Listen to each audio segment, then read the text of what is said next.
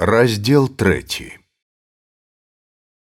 Першае, што я зрабіў наступнага дня, гэта ададраў дошкі ад дзвярэй таго адзінага закалочанага пакоя, у якім толькі і мог знікнуць малы чалавек, калі ён быў істотай з плоці і крыві.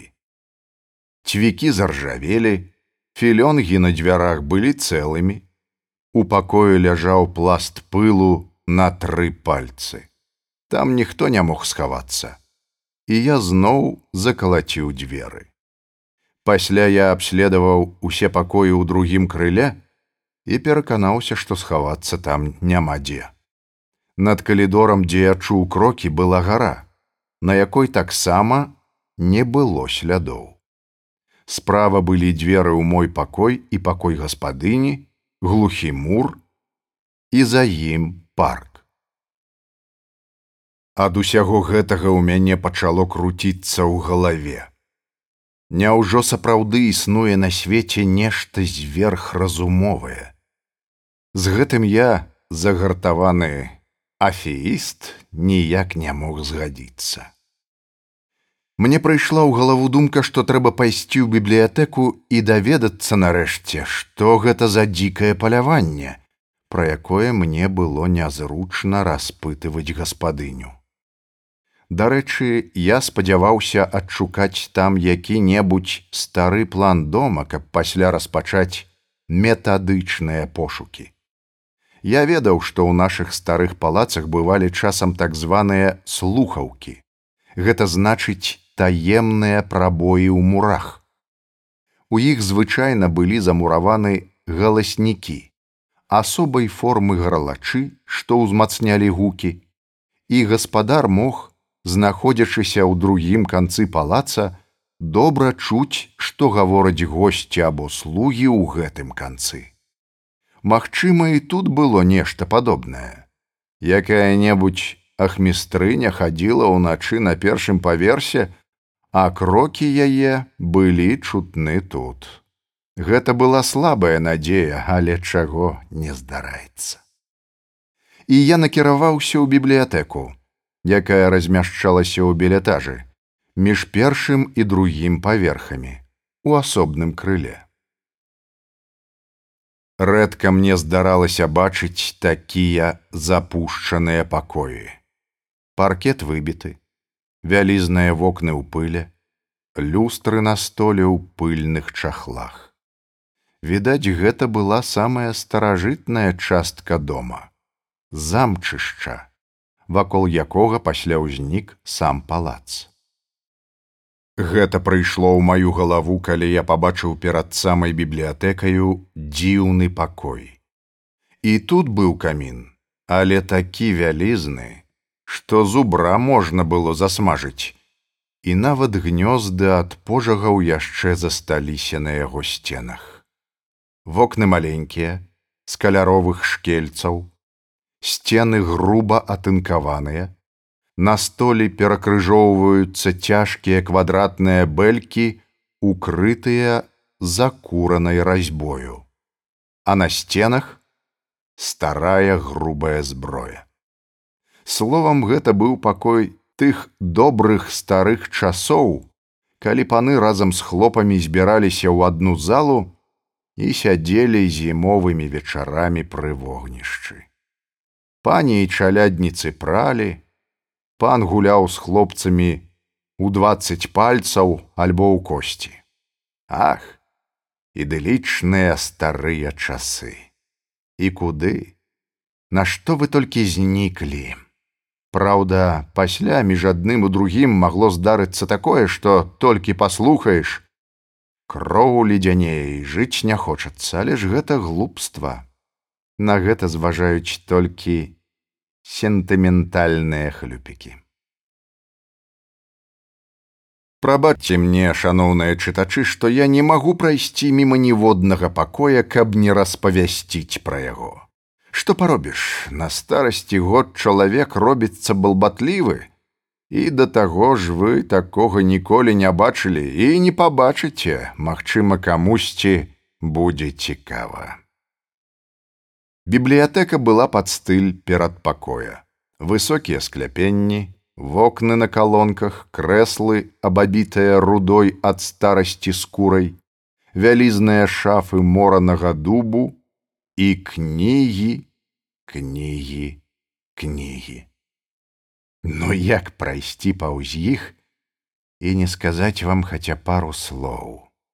У мяне сліна цячэ ад адных успамінаў, даўнія пергаментныя кнігі, кнігі на першай порыстай паперы, кнігі на жоўтай ад старасці гладкай і льснянай паперы.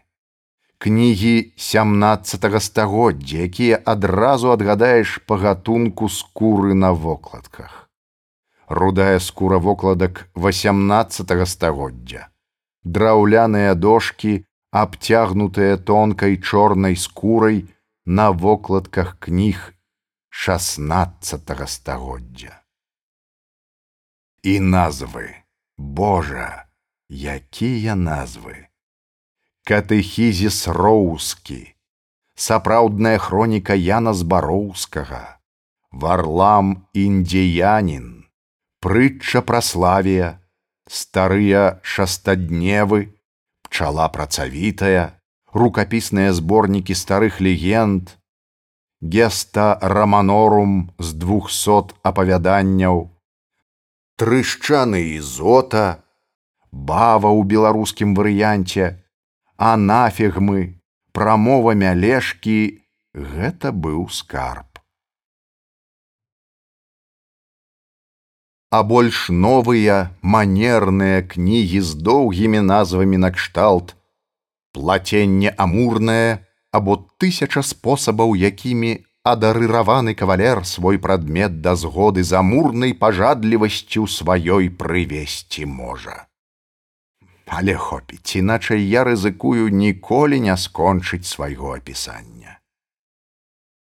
Я так захапіўся кнігамі, што не адразу заўважыў у пакоі другога чалавека. А ён між тым узняўся з крэсла і чакальна глядзеў на мяне трохі нахіліўшы галаву. На вуснах ягоных была прыемная ўсмешка, вялікія вочы ласкава ўсміхаліся. Адной рукою ён сарамліва прытрымліваў на жываце халат. Мы адрэкамендаваліся. Андрэй беларэцкі. Ігнась Берман Гацевіч, упраўляючы, сказаў ён ціхім ветлівым голасам. Мы селі. Я глядзеў на гэтага чалавека зацікаўлены. Што магло трымаць яго ў жахлівых балотных ялінах? Грошы. Іх не было. А ён, як быццам імкнучыся адказаць на мае думкі, сказаў: « Бачыце, якія кнігі.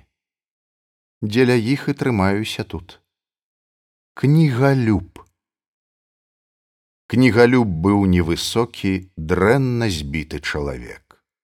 Твар яго, мяккі і пяшчотны, занадта мяккі для мужчыны 35 год быў румяны нежывым румянцам, як на фарфоравай ляльцы. І наогул ён быў занадта лялечны. Вялікія шэрыя вочы, доўгія вейкі, роўны прамы носік, тонкія, прыемна складзеныя вусны. Пастушок з табакеркі. І барада ў яго расла, слабая, як у многіх беларусаў з нездаровых балотных мясцін. Вы, напэўна, з паўночнай меншчыны спытаў я. О, пан не памыляецца, не, сказаў ён да гэтага жыў у губернскім горадзе, а зараз тут. Калі б у мяне спыталі, якая рыса гэтага чалавека перш за ўсё кідаецца ў вочы, я б сказаў: старамодная галантнасць. Ён быў цудоўна выхаваны, гэты лялёныш, выхаваны ў духу правінцыяльнай шляхецкай гжэчнасці, якая смяшыць нас.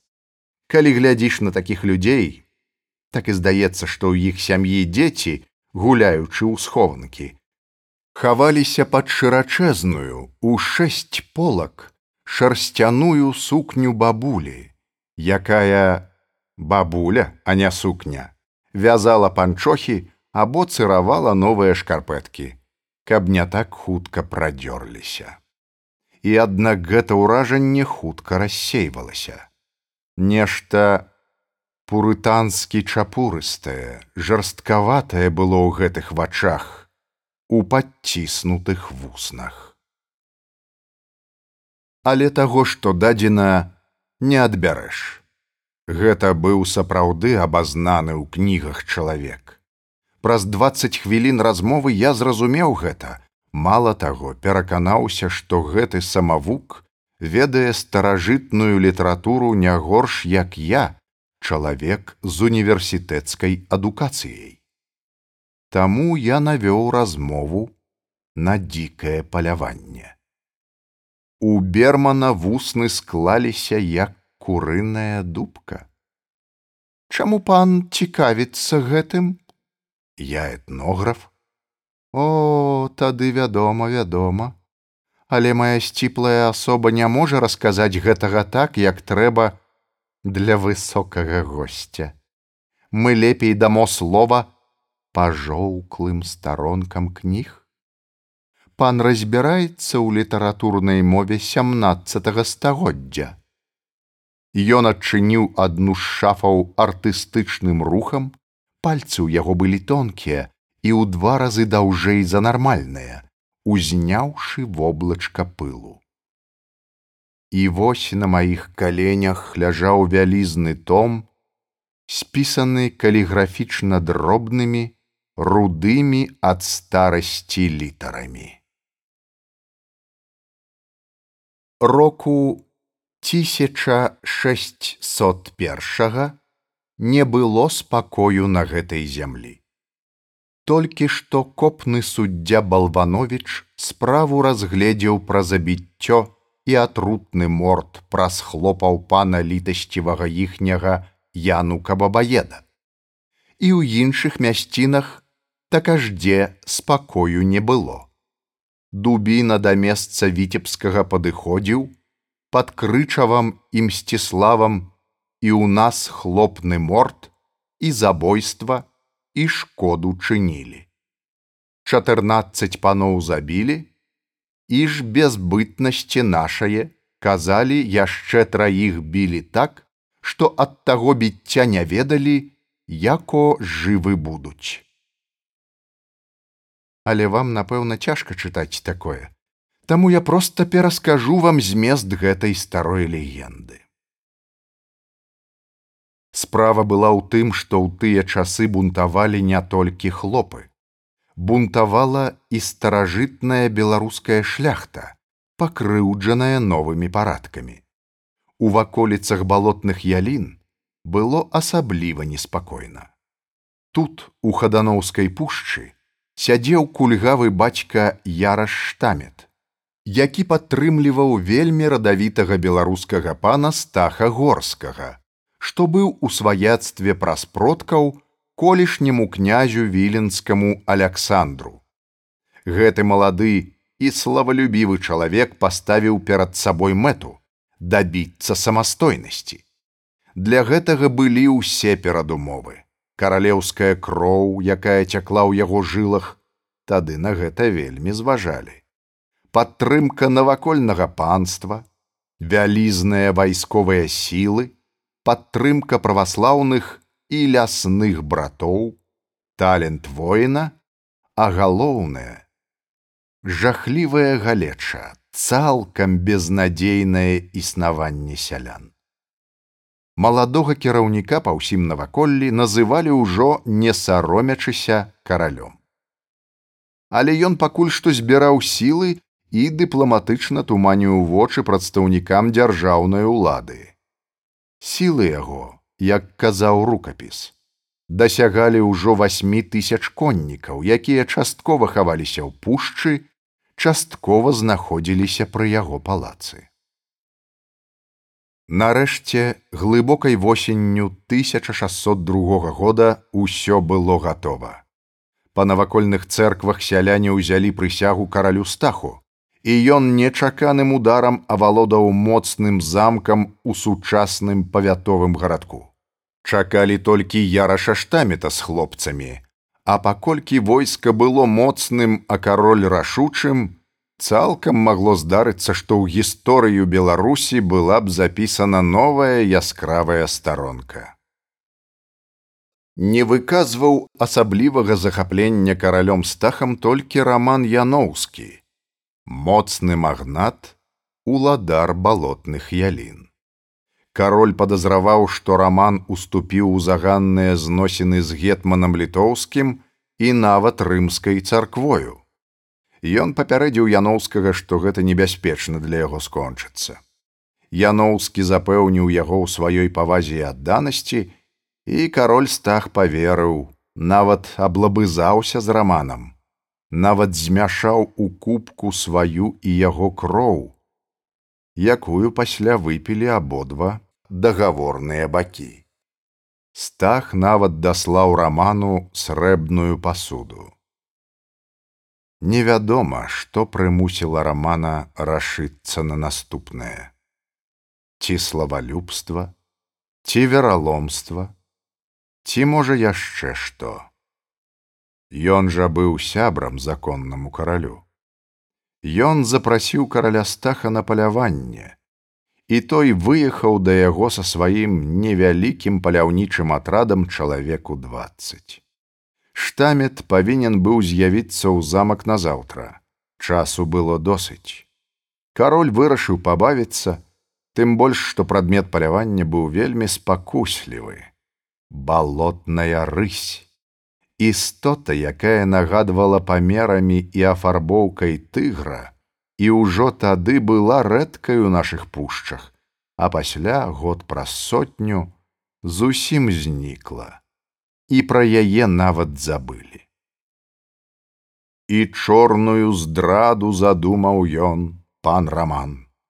Хоць і быў кароль стах мужыцкім каралём, хоць і ўзняўся супраць Божых улад, але хіба не благаславіў бы Бог і яго ўладу, каб ён захапіў трон дзедзіч сваіх.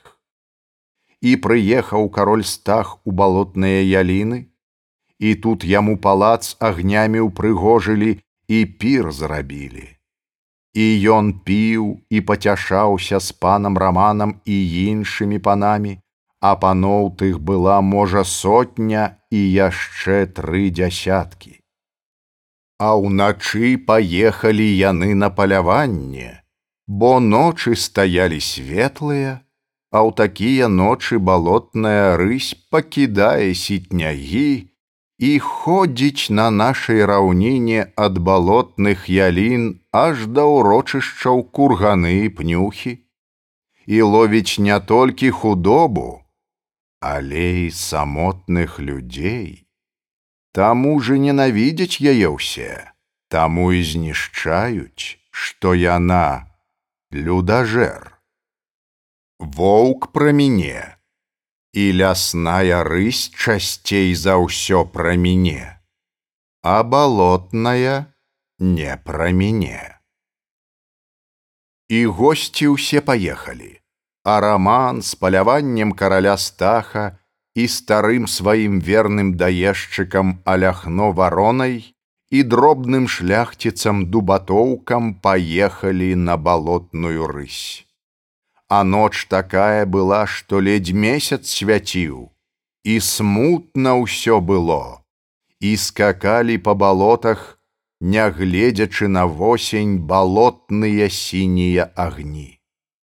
Агні чалавечыя згаслі ў хатах, і можа нават Бог па нявызначанай мудрасці сваёй пагасіў агні і ў некаторых душах чалавечых і адбіліся ад загоншчыкаў сваіх пан раман і кароль стах. Не паспелі і агледзецца яны, як скокнуў скупіны лемпарт балотны, збіў ударам сваіх грудзей у грудзі каня рамана і выдраў у каня таго кавалак жывата з кішкамі разам, бо такі ўжо звычай балотнай рысі. І упаў пан раман і адчуў жах смяротны, бо звер палаючымі вачыма глядзеў у твар яго. І быў ён гэты звер шырэй яго і доля. Але тут кароль стах скочыў з свайго коня драпятага проста на спіну зверу, схапіў яго за вуха, аддзёр пысу з ляжачага і кордам, кароткім мячом паласнуў яго па глотцы. Лемпарт адкінуў яго ударам лапы і стах адляцеў а звер насеў на яго паміраючы, але тут і пан раман ускочыў і разбіў чэрап страшыдла сваім баявым чаканам. Так і ляжалі яны ўтрох. І пан раман дапамог каралю ўстаць, пацалаваў у вусны і сказаў: « Квіты мы з табою, браце. Ты мне жыццё выратаваў, а я твою душу выратаваў шчыра. А пасля напаткалі іх паляўнічыя і вырашылі яны ноч правесці разам у лесе і яшчэ піць і гуляць, бо яшчэ не досыць было для іхняй душы, і сэрца іх пасля бойкі з лемпартам прасіла віна. І расклалі яны вогнішча ў лесе запаветным і пачалі піць, А цемра стала такая, калі знік месяц, што адыдзі далей ад вогнішча і не пабачыш пальца на руцэ. Узялі яны бочкі віна, што прывёз раман, і пілі, забаўляліся, і ніхто не ведаў, што віно тое было атручанае.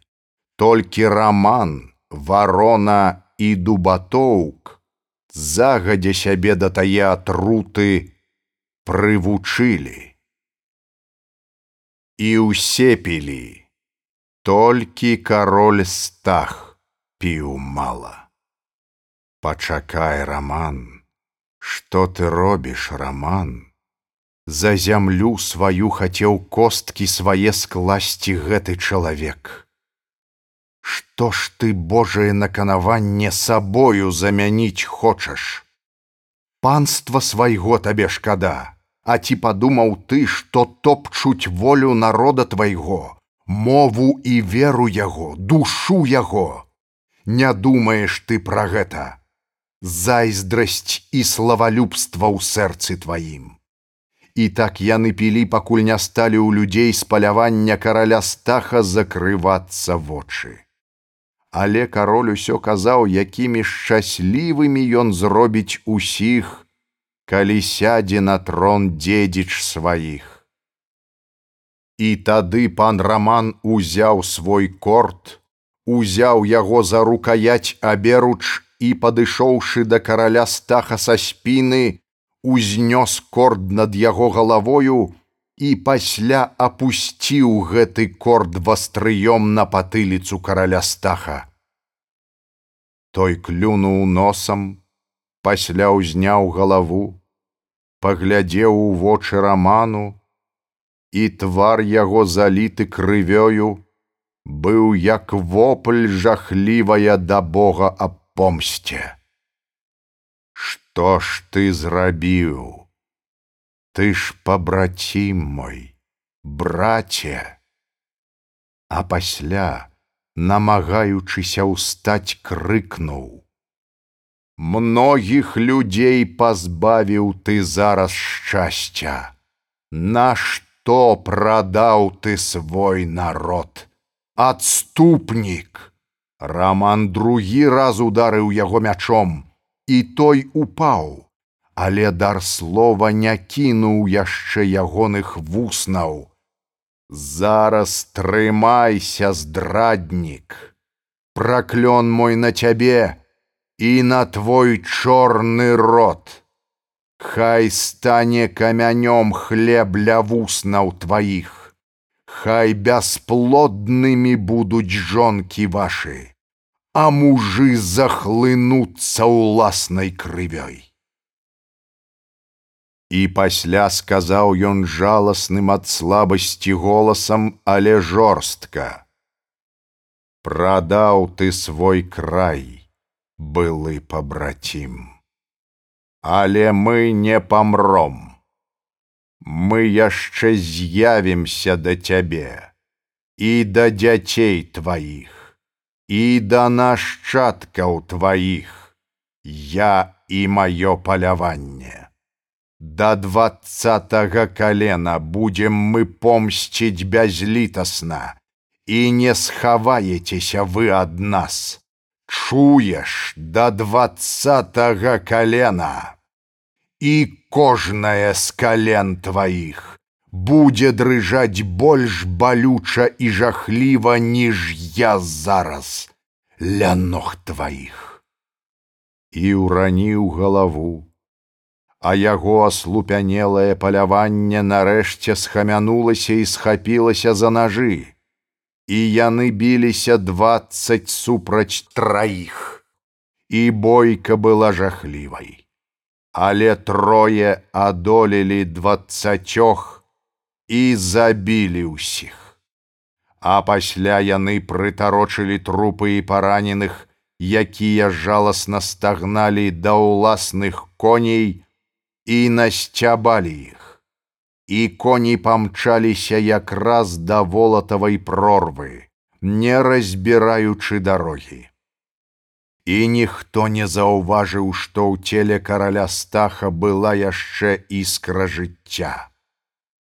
Коні ляцелі ў ноч, і слабы месяц асвятляў іх доўгія грывы, і недзе наперадзе бегалі па купінах сінія агні.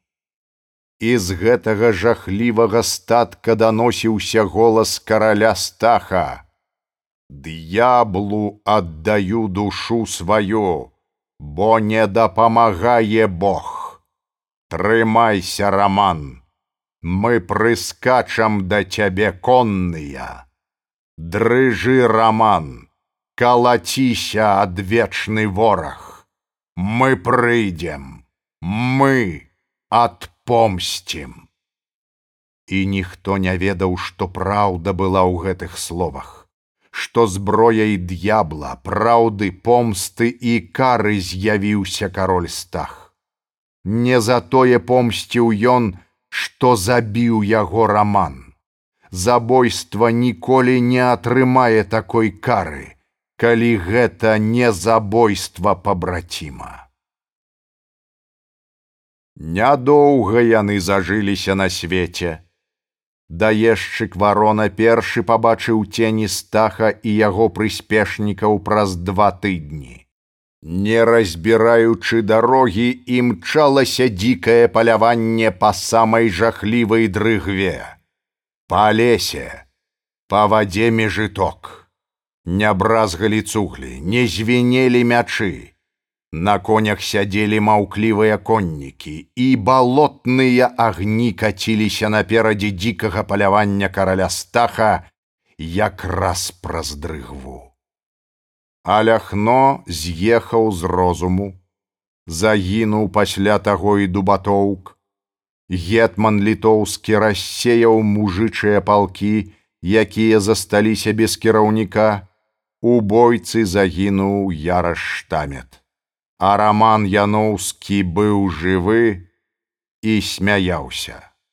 І аднойчы ён быў на паляванні і вяртаўся адзін праз верасавыя пусткі дадому.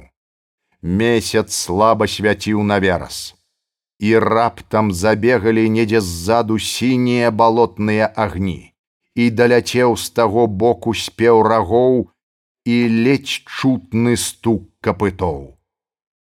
А пасля з'явіліся цьмяныя цені коннікаў. Грывы коней веялі паветры, беглі перад дзікім паляваннем гепарды спушчаныя са шворак. І бязгучна па верасе і дрыгве ляцелі яны. І маўчалі коннікі, а гукі палявання даляталі аднекуль з другога боку і перад усімі скакаў асветлены месяцам туманны і вялізны кароль стах і гарэлі вочы коней і людзей і гепардаў. І раман пабег, а яны бязгучна і хутка скакалі за ім. І коні часам перабіралі нагамі ў паветры, і спяваў дзікі верас, і месяц раўнадушна глядзеў на пагоню. І раман тройчы крыкнуў: «Дзікае паляванне! Такім голасам, што пачулі нават людзі ў навакольных хатах. А пасля дзікае паляванне нагнала яго, і сэрца яго не вытрымала. Так загінуў раман. Многія з таго часу бачылі на тарфяных раўнінах дзікае паляванне стаха. І хоць карала яно не ўсіх, але мала ў каго не разрывалася сэрца, калі бачыў ён на балотах змрочныя цені коннікаў. Так загінулі сын рамана і сын яго сына пасля смерці якога я і пішу пра гэта на навучэнне і жах яго нашчадкаў, якія, можа, і змогуць добрымі справамі пазбавіць сілы сівы даўні праклён. Сцеражыцеся дрыгвы людзі, сцеражыцеся балот уначы, калі сінія агні збіраюцца і пачынаюць скокі на самых гіблых мясцінах. Там часта ўначы пабачыце вы двадцать коннікаў на вараных дрыгантах. І галоўны коннік імчыць наперадзе ўсіх. Капялюх з заломленым полем насунуты на яго вочы, ногі прывязаны да сядла не бразгочуць мячы, не ржуць маўклівыя коні. Толькі часам аднекуль здалёк даносіцца спеў рога, развяваюцца грывы, балотныя агні ззяюць под нагамі коней. Паверасе, пагіблай дрыгве скача дзікае паляванне, і будзе скакаць да тых часоў, пакуль існуе свет. Яно, наша зямля, нелюбімая намі і страшная. Злітуйся з нас, Божа.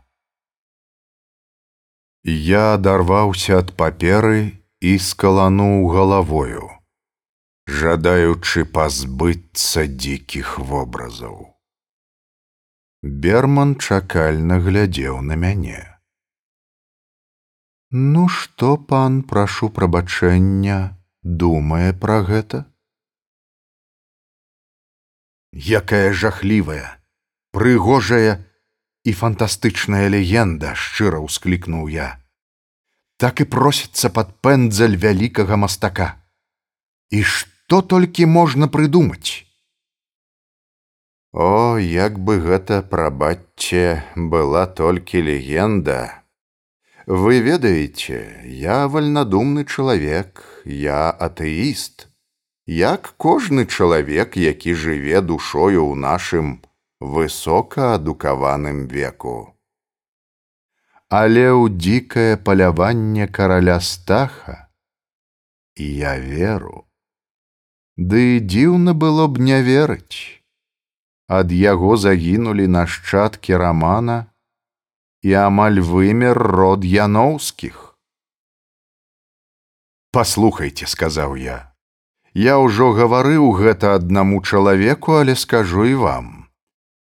Я магу захапляцца старымі легендамі, але што мяне прымусіць верыць ім нашчадкі рамана загінулі ад палявання 200 год таму. У тыя часы магілёўскі летапіс сур'ёзна сцвярджаў, што перад вайною на магілёўскіх мурах, куды чалавек не можа ўзлезці, з'яўляліся крывавыя адбіткі далоняў. Так я памятаю гэта, адказаў кнігалюб. Можна было б прывесці і далейшыя прыкметы, але яны трошки фрывольныя. Нашы продкі былі такія грубыя людзі. Ну вось бачыце, сказаў я з дакорам, а вы верыце ў паляванне. Лялечны чалавек, як мне здалося, вагаўся. Ну а што б вы сказалі, шаноўны, калі б я заявіў, што бачыў яго байкі жорстка адсек я. І не сорамна вам пужаць такімі словамі такімі паведамленнямі жанчын? Гэта не байкі паружавеў берман. Гэта сур'ёзна. Не ўсім быць героямі і я шчыра кажу баюся. Я нават не ем зараз з гаспадыняю за адным сталом бо на такіх таксама ўпадзе гнеў караля стаха. Ды памятаеце ў рукапісах, і як вы бачылі дзікае паляванне? Так, як і тут, у кнізе. Я быў дубатоўка суседа яноўскіх, між іншым нашчадка таго дубатоўка, і вяртаўся ад яго. Я ішоў верасавай пусткаю якраз ля вялізнай купы каменняў. І ноч была светлаватая. Я не пачуў, як яны з'явіліся. Яны імчалі паўз мяне якраз пад рыгве. О, гэта было жудасна. Нешта каламутнае плесканулася ў яго вачах, і мне падумалася, што ў гэтым доме, ды напэўна і па ўсёй раўніне дрэннае робіцца з мазгамі людзей. Ці ёсць тут хоць адзін нармальны, ці можа ўсе вар'яты падумаў я. Галоўнае яны імчалі амаль бязгучна. Коні ведаеце, такой старажытнай пароды, якую зараз з агнём не знойдзеш, сапраўдныя палескія дрыганты з падрэзанымі жыламі ля хвастоў. Грывы веюць паветры, плашчы велейсы. Велейсы апраналіся толькі на панцыр, непачціва перабіў я. А які панцыр можа быць на паляванні? Я ведаю, проста і вельмі шчыра адказаў лялечны чалавек, паставіўшы на мяне вялікія рахманыя як у аленя вочы. Паверце, каб я хлусіў, я б мог прыдумаць нешта больш спрытнае. Тады прабачце знекавеў я. Велейсы развяваюцца за спінамі людзей. Дзіды тырчаць у паветры, і мчаць, мчаць яны як навала яшчэ раз прабачце шаноўны пане. А скажыце можа на вячэры ў суседа частавалі мёдам? Я не п'ю з годнасцю падціснуў губы берман ганцевич я кажу вам яны не пакідалі нават слядоў за сабою. І туман хаваў ногі коней і твар караля. Ён быў зусім спакойны без жыцця жыццёва змрочны, сухі і зусім зусім шэры, як туман. Самае галоўнае яны прыязджалі да палаца яноўскіх у тую ноч. Мне расказалі, калі прыйшоў, што апоўнач загрымела кальцо на дзвярах і голас крыкнуў: Раман у двадцатым калене, выходь! Чаму раман? Таму што надзея апошні нашчадак рамана, якраз двадцатае яго калена. Не веру, зноў сказаў я, змагаючыся да канца, бо твару бермана быў сапраўды белы. Давайте радасловец яноўскіх. Берман з гатоўнасцю выцягнуў нейкую кнігу і разгарнуў пергаментную укладку з дрэвам годнасці. І сапраўды, девятнадцать пакаленняў ішло з рамана старога. Ніжэй девятнадцатага калена зноў рамана быў надпіс зроблены дробным почеркам. 26 кастрычніка 1870 года нарадзілася дачка моя надзея. Апошняе двадцатае наша калена, адзінае маё дзіця. Жорсткі лёс, здымі з нас свой праклён. Няхай загінуць толькі 19 пакаленняў. Злітуйся з гэтага маленькага камячка. Вазьмі мяне, калі гэта патрэбна, але няхай выжыве яна. Яна ж апошняя з роду яноўскіх. Упаваю на цябе. Гэта бацька яе пісаў, спытаў я, расчулены, і падумаў, што мне было ў год нараджэння гэтай дзяўчынкі восем год.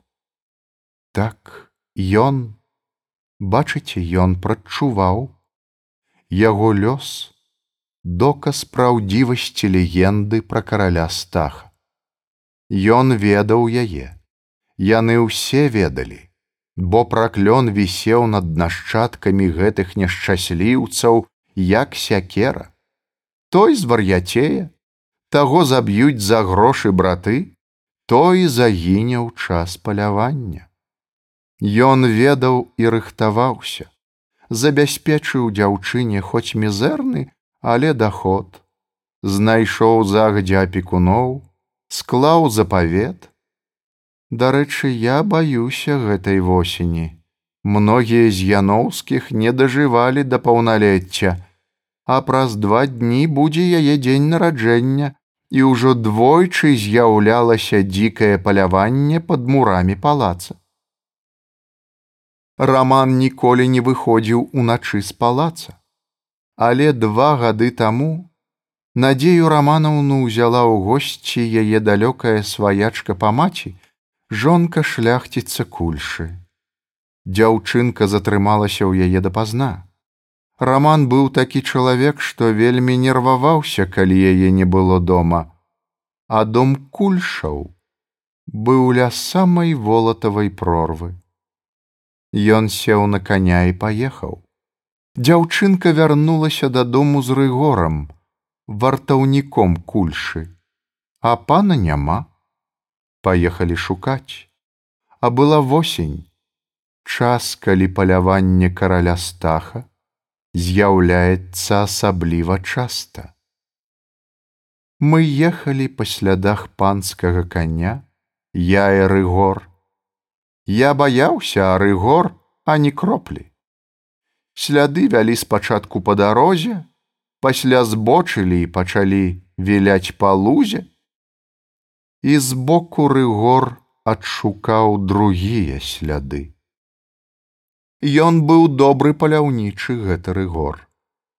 Які жах, пане, сляды былі ад двух дзесяткаў коней. І падковы старыя з трызубцам падобным на габлі. Такіх даўно не куюць у нас.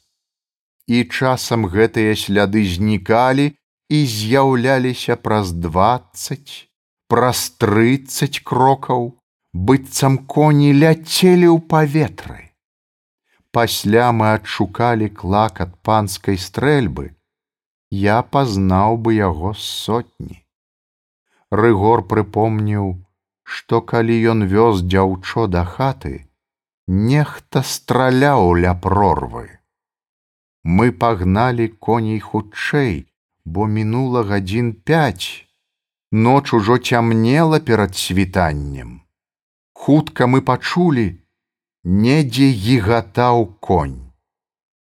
Мы выехалі на вялікую галявіну, якая зарасла верасам.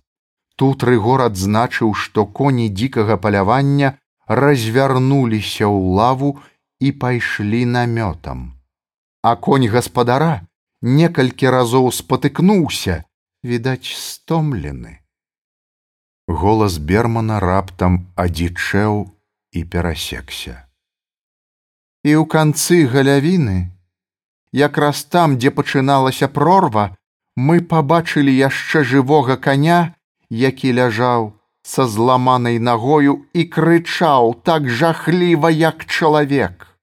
Рыгор сказаў, што пан павінен быць недзе тут. Мы знайшлі яго сляды, якія ішлі ад дрыгвы.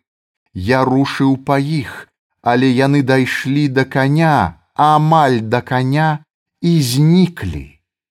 Тут на вільготнай глебе былі ўмяціны быццам чалавек упаў. І далей нічога. Галоўнае тое, што слядоў побач не было. Паляванне збочыла сажнях у дзесяці ад таго месца. Альбо раман узнёсся на неба, альбо коні караля стаха дамчалі да яго ў паветры і захапілі з сабою. Мы пачакалі з паўгадзіны, і калі пачаўся сапраўдны змрок, рыгор хлопнуў сябе па галаве і загадаў мне надраць бяросты. Я, шляхціц, падпарадкаваўся гэтаму хлопу, Ён быў тады ўладны як магнат. Калі мы запалілі бяросту, Ён схіліўся над слядамі.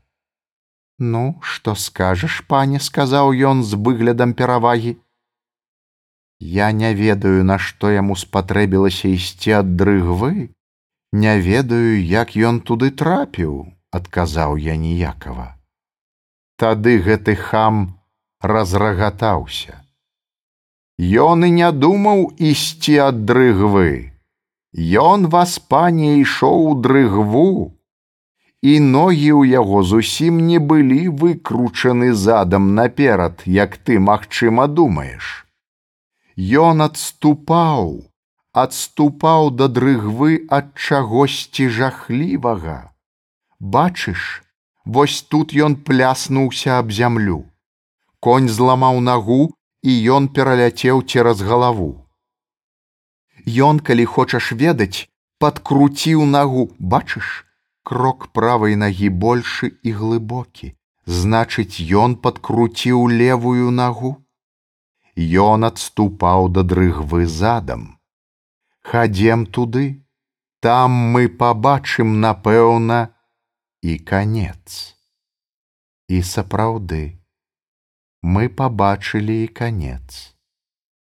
Там, дзе быў рэзкі абрыў у дрыгву, Рыгор пасвяціў бяростаю і сказаў: « Бачыш, тут ён асклізнуўся.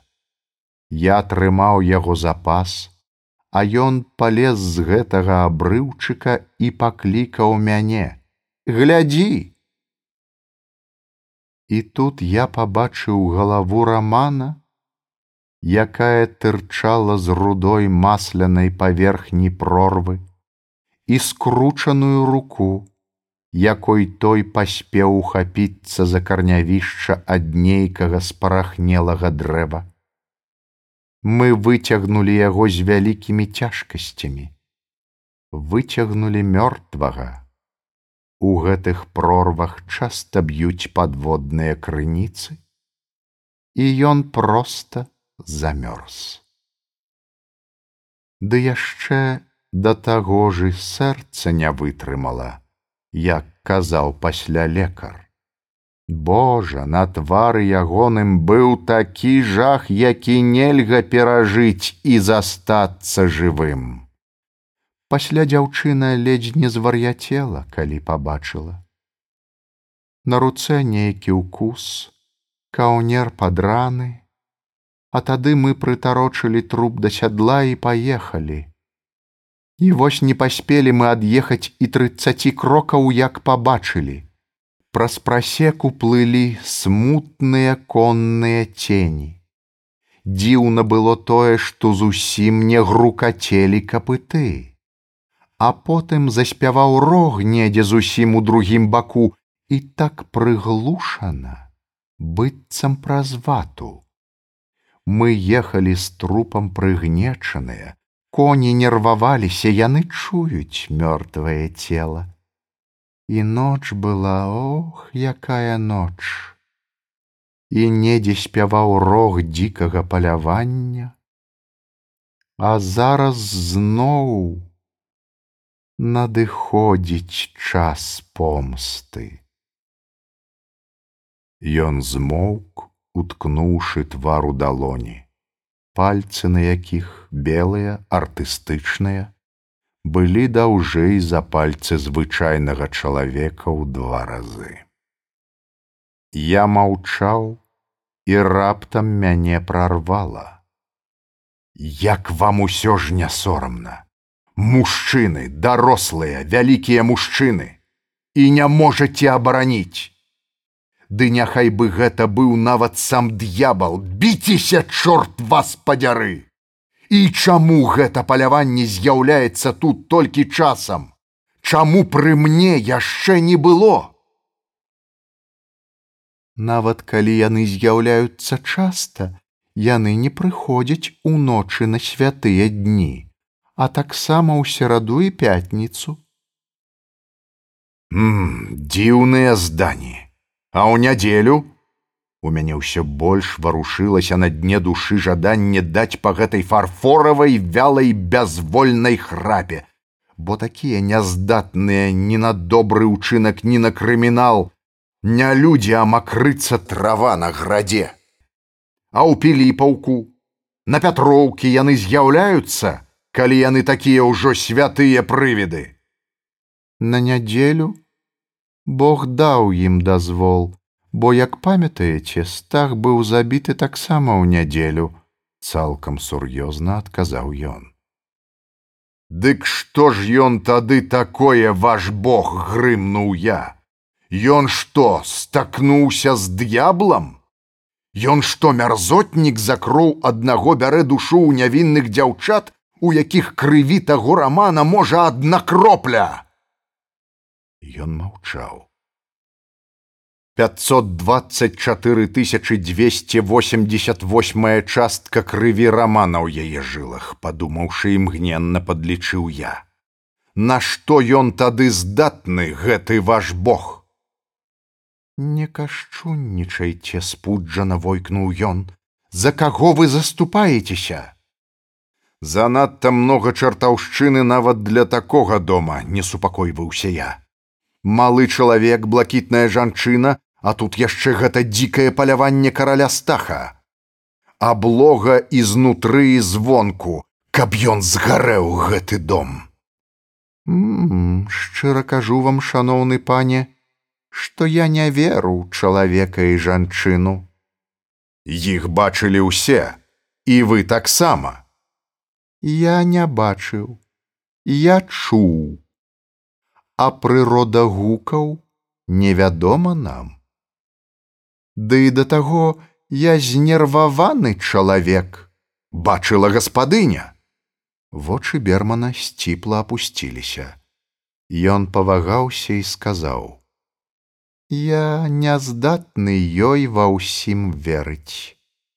Яна Ну словам мне здаецца, яе бедная галоўка не вытрымала гэтых жахаў. Яна своеасаблівы ў псіхічных адносінах чалавек, каб не сказаць больш. Я таксама думаў пра гэта, таму змаўчаў. Але я таксама чуў гэта. Дзікунства. Гэта проста акустычны падман. Галюцынацыя, шаноўны пане. Мы пасядзелі моўчкі. Я адчуваў, што сам пачынаю вар'яцець ад мілых прыгод, якія тут адбываліся. У тую ноч мне прыснілася. Бязгучна скача дзікае паляванне караля стаха. Бязгучна ржуць коні бязгучна опускаются копыты, хістаюцца выразныя павады. Холодны верас под іх нагамі, імчаць шэрыя, нахіленыя наперад тені, і балотныя агні гараць на лбах коней.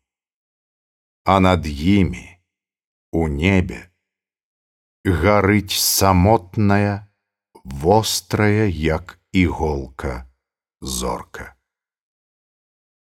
Калі я прачынаўся, я чуў у калідоры крокі малога чалавека і часам яго ціхі жаласны стогн. А пасля зноў чорная бездань цяжкага сну, і зноў скача па верасе і дрыгве, імклівае, як страла палявання.